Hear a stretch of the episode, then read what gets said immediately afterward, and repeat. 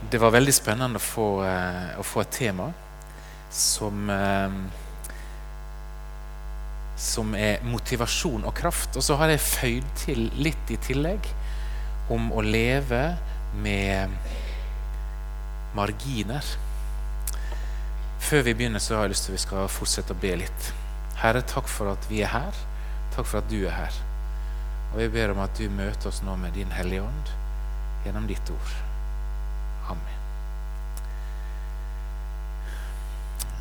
Arnt Magne han eh, sendte meg en eh, mail og så sa han eh, det her er et tema som jeg tror hadde vært flott å sagt noe om. Og han tror jeg er hjemme. Han har jo blitt far. Vet dere det? Fantastisk. Det kan jo sikkert han si mer om en annen gang. Skal ikke jeg brodere ut. Men motivasjon og kraft og det å leve med marginer vi, må si, vi, må ha litt sånn innledning. Hva, hva, er egentlig motivasjon for noe? Jeg har en liten sånn, eh, liten sånn greie her. Kanskje dere ikke greier å lese det? Skal jeg lese til dere? Eh, det er Kjell. vet du. Se her, jeg har et nytt prosjekt å sette mitt personlige preg på. Det skal bli gøy. Ah, der var det igjen! Du lider av akutt motivasjon, Kjell. Sukket er mer alvorlig enn jeg trodde. Akutt motivasjon regnes dessverre ikke som en lidelse kvalifiserer ikke til en sykmelding engang, men jeg er jo så motivert at det kribler og klør over hele kroppen. Gjør noe. Jeg kan jo melde deg på et kurs i prosjektplanlegging. Det, det virker, sier han. Eh, vi kan få det akutt av og til, eh, og av og til tenker vi at eh, det kunne vært greit å ha mer motivasjon. Eh, hva er det egentlig, hva er egentlig motivasjon? Jo, eh, en grei definisjon her. Det er det som forårsaker en aktivitet hos deg. Og det er det som holder den ved like, og det er det som gir den aktiviteten mål og mening. Det vil si det er ganske viktig at uh, vi kjenner en viss motivasjon. Det er det som setter oss i gang. Det er det som får oss til å fortsette. Og det er det som gjør at vi syns det er noe mening i å holde på med det. Uh, her har jeg en liten sånn motivasjonsbilde. Eh, det fins to ting. Sant? Enten en motivasjon som er liksom litt negativ drivkraft. Ehm, eh, du har den. Og så har du den her med, med gulrotmotivasjon. Som er en som på en måte som, som drar deg mot noe. Eh, jeg har lyst til å fokusere i starten på noe som jeg syns er veldig viktig. Har du tenkt på og oppdaga i livet at det er et eller annet som motiverer deg bare ved at du liksom får holde på med det, så blir du motivert. Det er rett og slett enkelte ting som du gleder deg over å gjøre. Bare du får holde på med det, så blir du helt sånn naturlig motivert. Kanskje er det hobbyen din. Kanskje er det et eller annet du liker veldig godt å gjøre. Det gir deg mye mer glede enn det tapper deg. Og du kjenner bare at det, å, det der er veldig bra. Og Hvis du ikke har valgt yrke ennå, så vil jeg bare anbefale deg at i alle fall en viss prosent av det yrket har noe med din naturlige motivasjonsevne å gjøre. Og kanskje har Gud en tanke også med det han har gitt deg av evne og anlegg. Og kanskje har han tenkt at det skulle falle sammen med noe av den nådegave han utruster deg med. Og så er det ikke sikkert at um, skillet mellom det er så skarp. Men fordi han hadde tenkt å kalle det inn i noe som også ga deg glede. Også en liten tankevekker i starten. Bruker vi våre gaver i det kristne arbeidet, eller bruker vi bare våre krefter i arbeidet i Guds rike? Det er av og til litt sånn at uh, hvis du kjenner at det er bare kreftene mine jeg legger inn i det Kanskje skulle du tenke på hva er det som gir deg noe når du holder på med det. En liten sånn eh, innledning, det. For hvis vi skal holde på å være i kristen tjeneste og i kristen aktivitet, så må det være noe som forårsaker å sette oss i gang. Og det må være noe som holder oss i gang. Og det må være noe som grunnleggende vi kjenner her er noe som gir mål og mening. Hvis ikke så blir det veldig tungt å holde på også å være i kristen tjeneste. Mange av dere som sitter her, er, er i ei tjenestegruppe. Dere er med på noe. Dere kjenner liksom at ja, det har jeg lyst til å være med på. Kanskje noen ganger blir det tungt, men det er noe likevel som gir deg noe. Hva motiverer vår tjeneste som kristne? Og Jeg har lyst til å ta fram to bibelvers der. Det er fra samme kapittel i 2. Korinterbrev 5. Det er to sider av den samme motivasjonen. Paulus han sier fordi vi kjenner ærefrykt for Herren, prøver vi å overbevise mennesker. Ærefrykt er et gammelt ord. Og jeg tror kanskje at vi tenker at det er litt, sånn, litt umoderne og kanskje ikke så aktuelt for oss. Men hva handler det om? Jo, det handler om at vi har en ærbødighet for Gud. Noe som handler om en respekt for Han. For vi vet at Han er Gud, og vi er mennesker. Vi er ikke Gud. Han er Gud. Og fordi vi kjenner den ærefrykten for Gud, og vi kjenner evangeliet, så prøver vi å vinne mennesker. Overbevise mennesker. Og så er det en setning som eh, kanskje du også har tenkt Det her går jo ikke an. For Kristi kjærlighet tvinger oss. For Kristi kjærlighet tvinger oss. Vi vet at én er død for alle, derfor er de alle døde. Og han døde for alle for at de som lever, ikke lenger skal leve for seg selv, men for han som døde og sto opp for dem.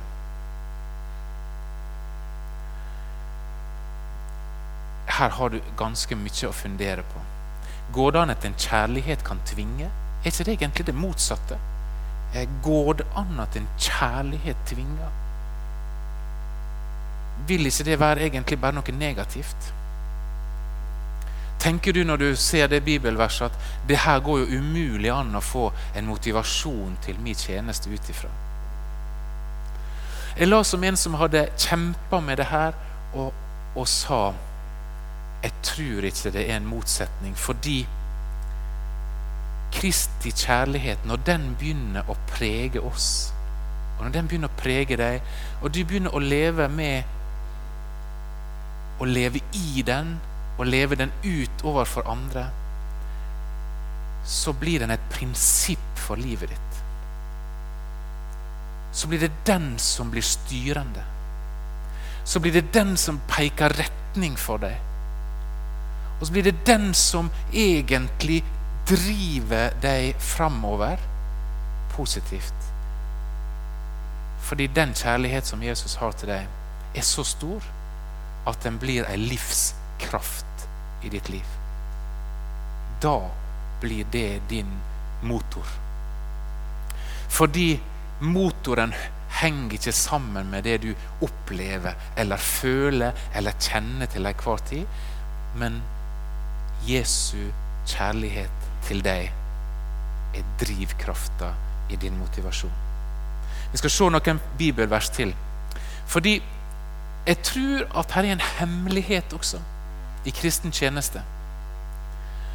Eh, dette bibelverset her, det står slik Jesus svarte i Johannes 12.: Timen er kommet da menneskesønnen skal bli herliggjort. Sannelig, sannelig, jeg sier dere, hvis ikke hvetekornet faller i jorden og dør, blir det bare det ene kornet. Men hvis det dør, bærer det rik frukt. Den som elsker sitt liv, skal miste det. Men den som hater sitt liv i denne verden, skal berge det og få evig liv. Den som vil tjene meg, må følge meg. Og der jeg er, skal også min tjener være. Og så kunne vi holdt en hel bibeltime nå om Jesus som det kveitekornet som blir lagt i jorda, og som gir sitt liv for oss, slik at vi skal leve. Men så bruker Jesus det også som et radikalt forbilde på vårt liv. Og Da begynner det å bli skikkelig radikalt. Dere. Hva er det han sier? Ingenting vil vokse uten at du legger noe av livet ditt ned. Det blir ingen vekst rundt deg uten at du gir avkall. Spør noen som har blitt foreldre. Om kanskje de tenker nå legger jeg mitt liv, jeg legger min lange søvn på søndag formiddag ned. Jeg legger min, mitt ego, noe av det, ned. Fordi jeg, på en måte, jeg vil leve for det her barnet. Ingenting vokser rundt deg hvis du ikke legger noe ned. Det er en hemmelighet i kveitekornet, sier Jesus. En utrolig hemmelighet. For det er akkurat som at den som vil skjerme livet sitt, den som vil ha det for seg sjøl, den som vil berge det, sant? den mister det. Men den som legger livet sitt ned, får se at det vokser noe rundt. Det er en tjenestehemmelighet i Guds rike. Med Jesus som forbilde, han som er kveitekornet som var lagt i jorda for å dø, og som står opp igjen og som blir til liv for oss. Og enda en ganske kraftig eh, motsetning, kanskje, som vil vi tenke. Går det an å hvile under et åk? Går det an? Eller tenker du at hvile må være uten forpliktelse? Tenker du at eh, himmelriket er sånn som vi tenker? Og så er ikke det det. Kom til meg, alle dere som strever og bærer tunge byrder. Jeg vil gi dere hvile. Ta mitt åk på dere og lær av meg, for jeg er mild og ydmyk av hjerte. Så skal dere finne hvile for deres sjel, for mitt åk er godt og min byrde lett. Å gå i undervisning hos Jesus, det tar hele livet. Det tar hele livet. Og Noen ganger så vil han bare vise deg at du finner hvile under hans åk. Du hersker ved å tjene. Den siste blir den første. Du blir klok med det som verden kaller dårskap. Du blir fri når du blir bunden til Han. Og så greier ikke vi helt å skjønne det. Men så tror jeg han kaller oss inn i en sånn type disippelskap hos, hos seg. En sånn kveitekornlogikk. En sånn frihet i å være bunden til ham. Hvor finner du kraft hen?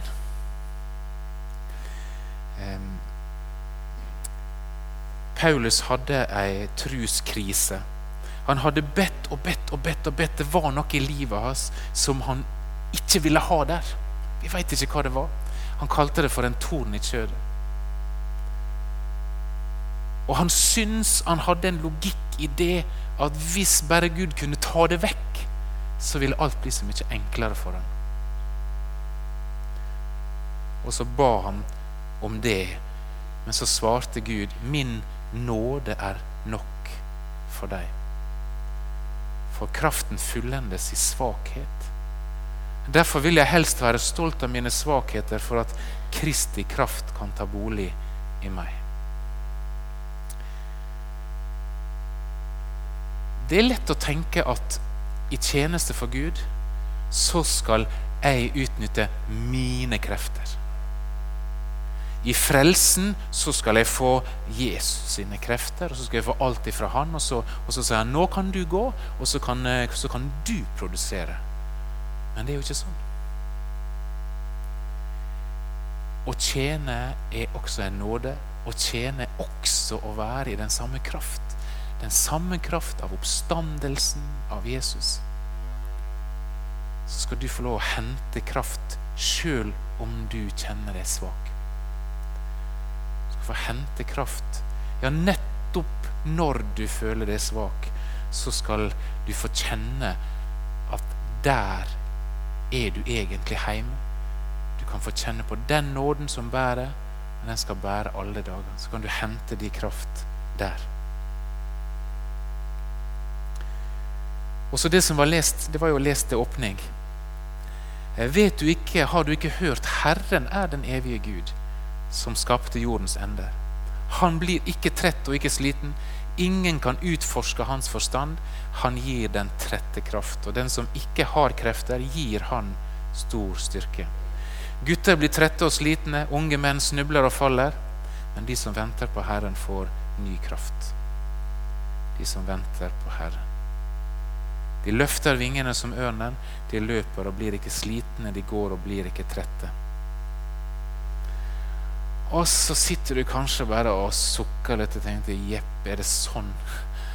Er det sånn det skal være? Liksom? Er det jeg som kjenner meg så sliten av alt det her som jeg holder på med? Jeg kjenner at jeg blir utmatta av det. Jeg kjenner at eh, det blir for mye. Jeg skal si litt om det etterpå. For jeg tror at det er en hemmelighet også å være en kristen tjener i Guds rike og finne en balanse i livet.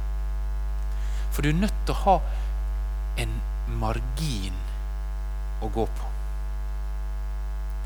Og jeg sjøl har fått veldig god hjelp i akkurat det som står her nå.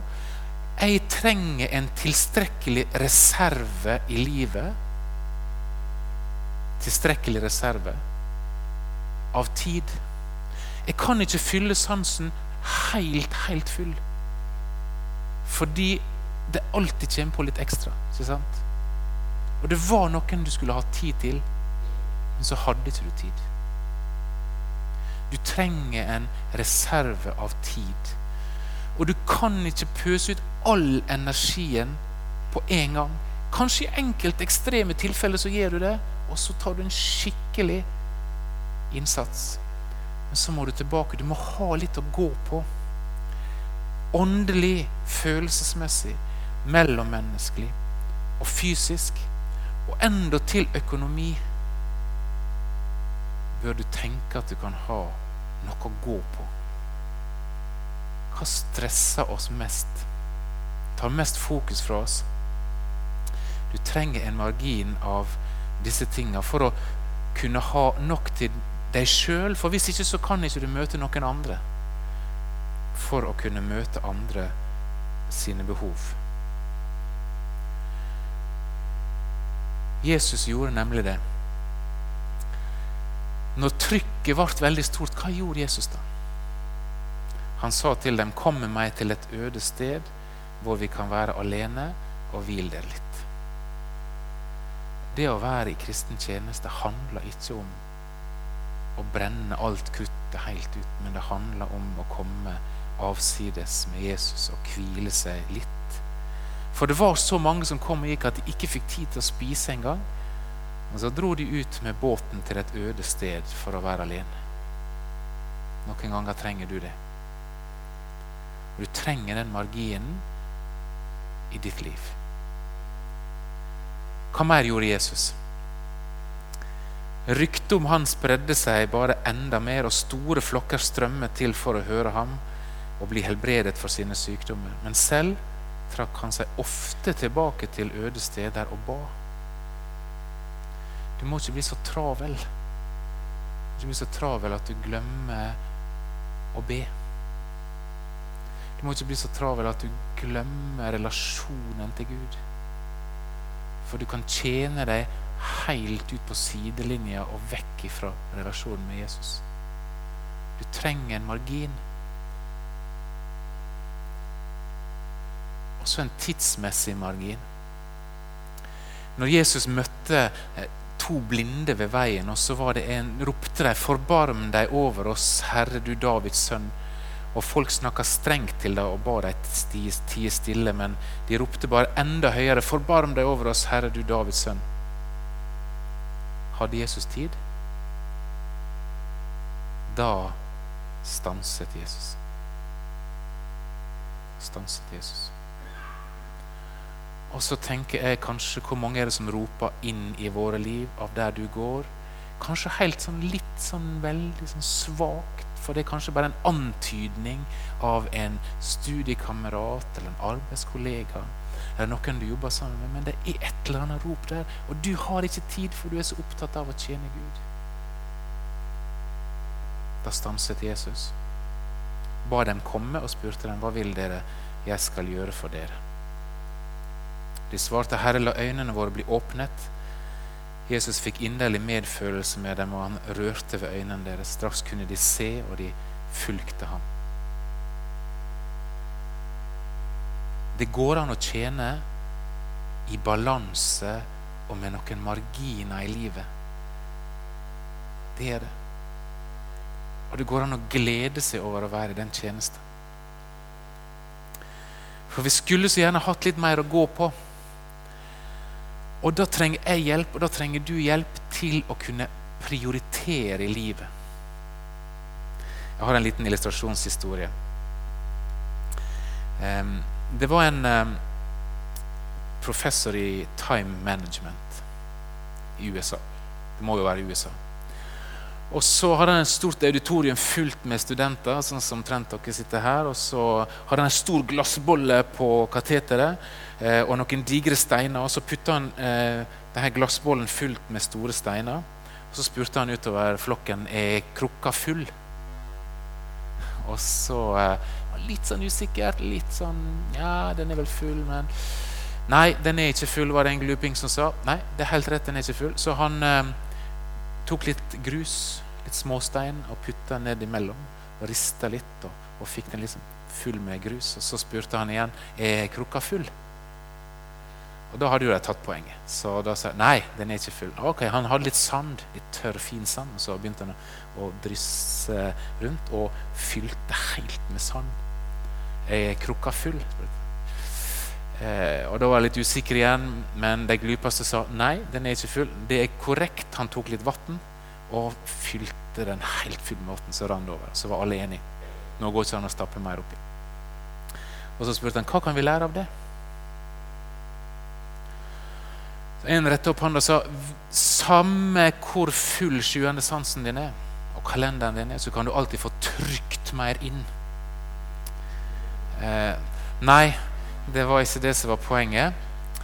Eh, hva var poenget, sønn? Og så syns jeg at det er, et, faktisk, det er et åndelig poeng også her.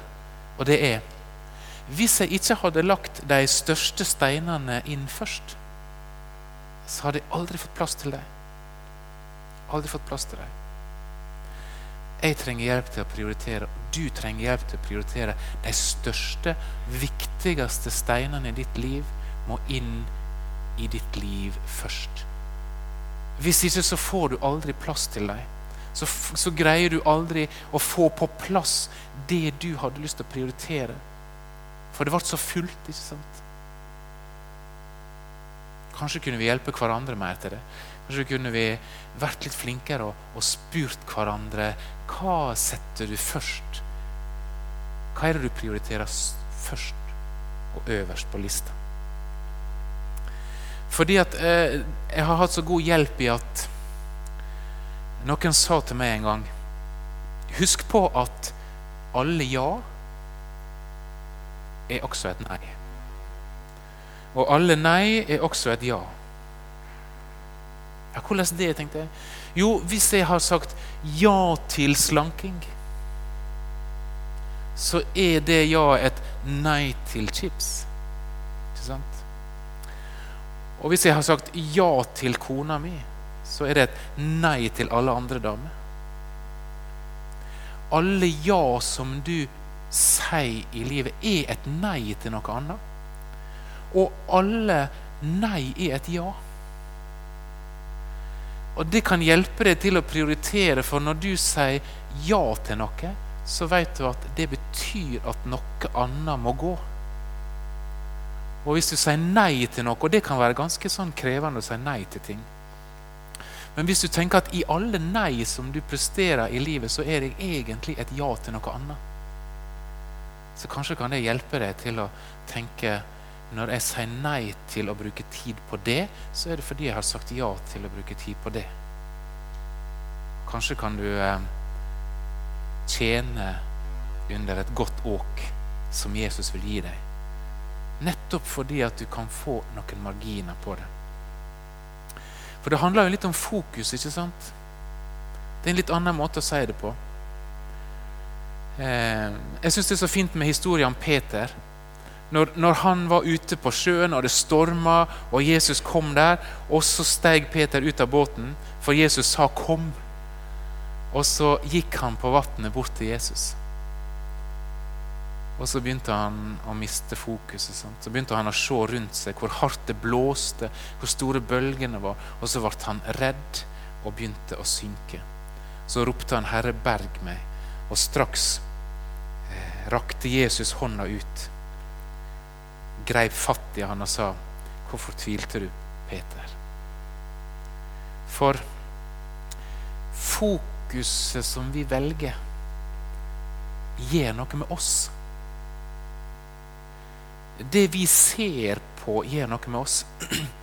For Bibelen har en sånn underlig måte å forklare det på. Han sier vi som uten slør for ansiktet ser Herrens herlighet som i et speil. Vi, står, vi ser ikke det helt tydelig, men vi ser det som i et speil. Vi blir alle forvandla til det bildet vi ser på. Fra herlighet til herlighet. Og dette skjer ved Herrens ånd.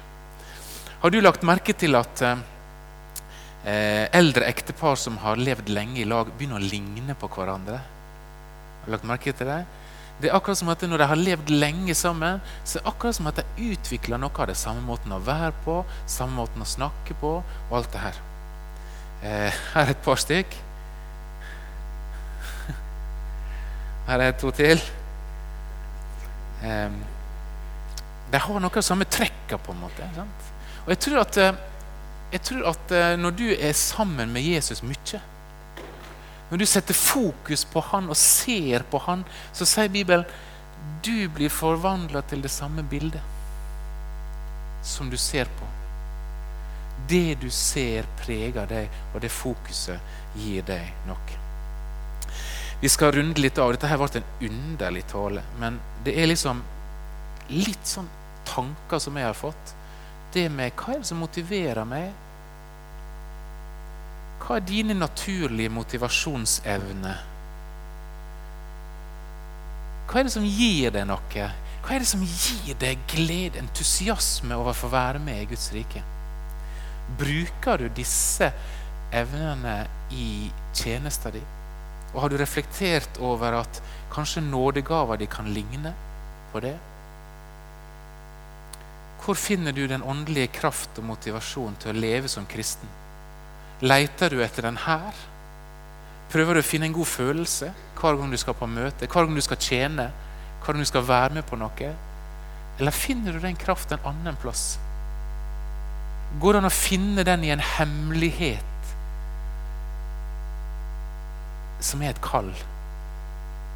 Der det du kan få legge ned, er det som vokser hva har en tendens til å stjele marginene fra deg? Fins det noe i deg sjøl? Er det noe rundt deg som stjeler marginene dine, og som gjør deg til en som alltid lever fra hånd til munn, åndelig, energimessig, tidsmessig? Hva er gode tips for å øke disse marginene for deg? Har du lagt de største steinene først inn i ditt liv? Eller driver du og fyller på med litt grus og litt sand og litt vann hele tida? Og den dagen du tenkte 'Å, det skulle jeg ha prioritert', så hadde ikke du mulighet. For hva preger oss? Hva ser du på som skaper bildet av deg? Hva fester du blikket på som kan få lov å prege ditt liv?